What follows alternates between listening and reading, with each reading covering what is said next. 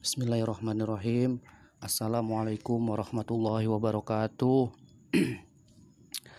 Hari ini saya ingin mempresentasikan makalah yang berjudul Merancang RPP yang berkualitas.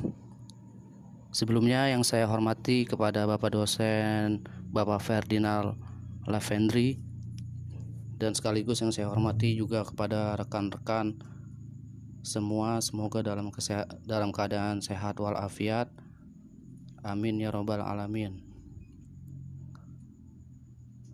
Langsung saja di pembahasan.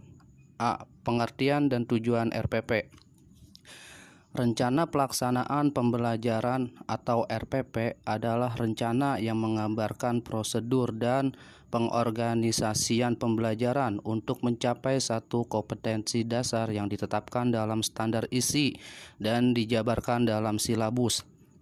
Lingkup rencana pembelajaran paling luas mencakup satu kompetensi dasar yang terdiri atas satu indikator atau beberapa indikator untuk satu kali pertemuan atau lebih. RPP merupakan persiapan yang harus dilakukan seorang guru sebelum mengajar. Persiapan di sini dapat diartikan persiapan tertulis maupun persiapan mental.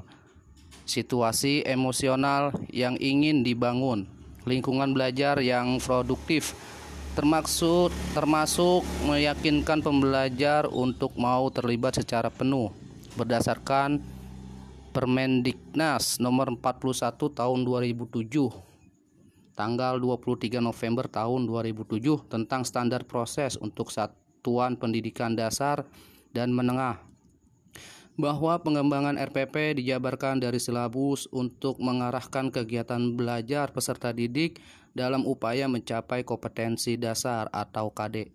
RPP disusun untuk setiap KD yang dapat dilaksanakan dalam satu kali pertemuan atau lebih. Guru merancang pengalaman Guru merancang penggalangan RPP untuk setiap pertemuan yang disesuaikan dengan penjadwalan pelajaran di suatu pendidikan.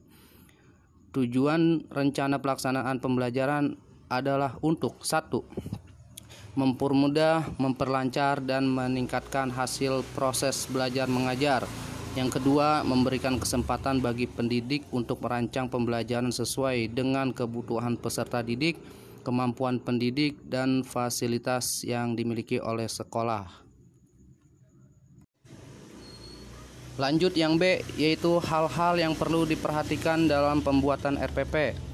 Prinsip-prinsip rencana pembelajaran menurut Permen Permen Dinas nomor 41 tahun 2007 tentang standar proses terdiri dari satu memperhatikan perbedaan individu peserta didik. Yang kedua bersifat fleksibel. Yang ketiga mendorong partisipasi aktif peserta didik. Yang keempat mengembangkan budaya membaca dan menulis.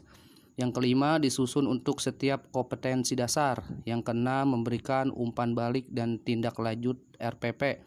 Yang ketujuh yaitu keterkaitan dan keterpaduan dan yang terakhir yang kedelapan yaitu menerapkan teknologi informasi dan komunikasi. Yang C, komponen-komponen dan langkah-langkah pembuatan RPP. Langkah-langkah minimal dari penyusun RPP dimulai dari mencantumkan identitas RPP, tujuan pembelajaran, materi pembelajaran, metode pembelajaran, langkah-langkah kegiatan pembelajaran, sumber belajar, dan penilaian. Setiap komponen mempunyai arah pengembangan masing-masing, namun semuanya merupakan suatu kesatuan. Komponen-komponen rencana pelaksanaan pembelajaran atau RPP ini menurut Permendiknas nomor 41 tahun 2007 tentang standar proses terdiri daripada satu identitas mata pelajaran yang meliputi satuan pendidikan kelas semester dan juga program keahlian. Yang kedua yaitu standar kompetensi. Standar kompetensi merupakan kualifikasi kemampuan minimal peserta didik yang menggambarkan penguasaan pengetahuan sikap dan keterampilan yang diharapkan dicapai pada setiap kelas. Yang ketiga yaitu kompetensi dasar. Yang keempat, indikator pencapaian kompetensi. Yang kelima yaitu tujuan pembelajaran. Yang keenam,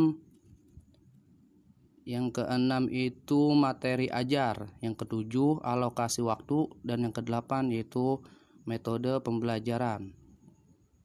Yang kesembilan yaitu kegiatan pembelajaran. Adapun yang D yaitu fungsi rencana pelaksanaan pembelajaran atau RPP.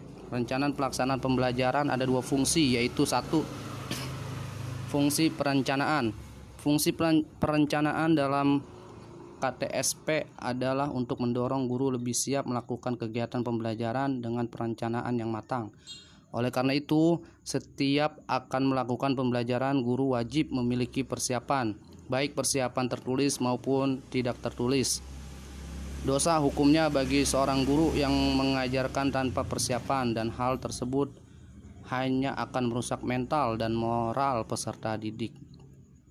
Komponen-komponen RPP yang harus dipahami guru dalam menyukseskan implementasikan KTSP antara lain kompetensi dasar, materi standar, prosedur pembelajaran, hasil belajar, indikator hasil belajar, evaluasi berbasis kelas atau EBK dan ujian berbasis sekolah. Dan yang kedua yaitu fungsi pelaksanaan. Dalam eh, dalam menyukseskan implementasi KTSP, RPP harus disusun secara sistematik dan sistematis untuk yang utuh dan menyeluruh dengan beberapa kemungkinan penyesuaian dalam situasi pembelajaran yang aktual. Dengan demikian, RPP berfungsi untuk mengefektifkan proses pembelajaran sesuai dengan apa yang direncanakan. Fungsi rencana pembelajaran adalah sebagai acuan bagi guru untuk melaksanakan kegiatan belajar mengajar agar lebih terarah dan berjalan secara efektif dan efisien. Sejalan dengan itu, Kasful Anwar menyebutkan secara rinci bahwa fungsi perencanaan pembelajaran adalah sebagai berikut. Satu, yaitu memperkirakan tindakan yang akan dilakukan guru dalam kegiatan pembelajaran. Yang kedua, yaitu pedoman guru dalam melaksanakan pembelajaran. Yang ketiga, membantu mempermudah guru dan siswa dalam melaksanakan pembelajaran. Yang keempat, Fungsi perencanaan yang menunjukkan bahwa RPP hendaknya dapat mendorong guru lebih siap melakukan kegiatan pembelajaran dengan perencanaan yang matang. Dan yang kelima yaitu fungsi pelaksanaan. Rencana pelaksanaan pembelajaran harus disusun secara sistematik dan sistematis. Dengan kata lain, rencana pelaksanaan pembelajaran berperan sebagai skenario proses pembelajaran. Oleh, karena itu, rencana pelaksanaan pembelajaran hendaknya bersifat luas atau fleksibel dan memberi kemungkinan bagi guru untuk menyesuaikan dengan respon siswa dalam proses pembelajaran sesungguhnya. Dan yang terakhir yaitu penutup atau kesimpulan. Jadi kesimpulannya adalah rencana pelaksanaan pembelajaran RPP adalah rencana yang menggambarkan prosedur dan pengorganisasian pembelajaran untuk mencapai satu kompetensi dasar yang ditetapkan dalam standar isi dan dijabarkan dalam silabus. Lingkup rencana pembelajaran paling luas mencakup satu kompetensi dasar yang terdiri dari satu indikator atau beberapa indikator untuk satu kali pertemuan atau lebih. RPP merupakan persiapan yang harus dilakukan seorang guru sebelum mengajar. Persiapan di sini dapat diartikan persiapan tertulis maupun persiapan mental, situasi emosional yang ingin dibangun, lingkungan belajar yang produktif termasuk meyakinkan pembelajar untuk mau terlibat secara penuh.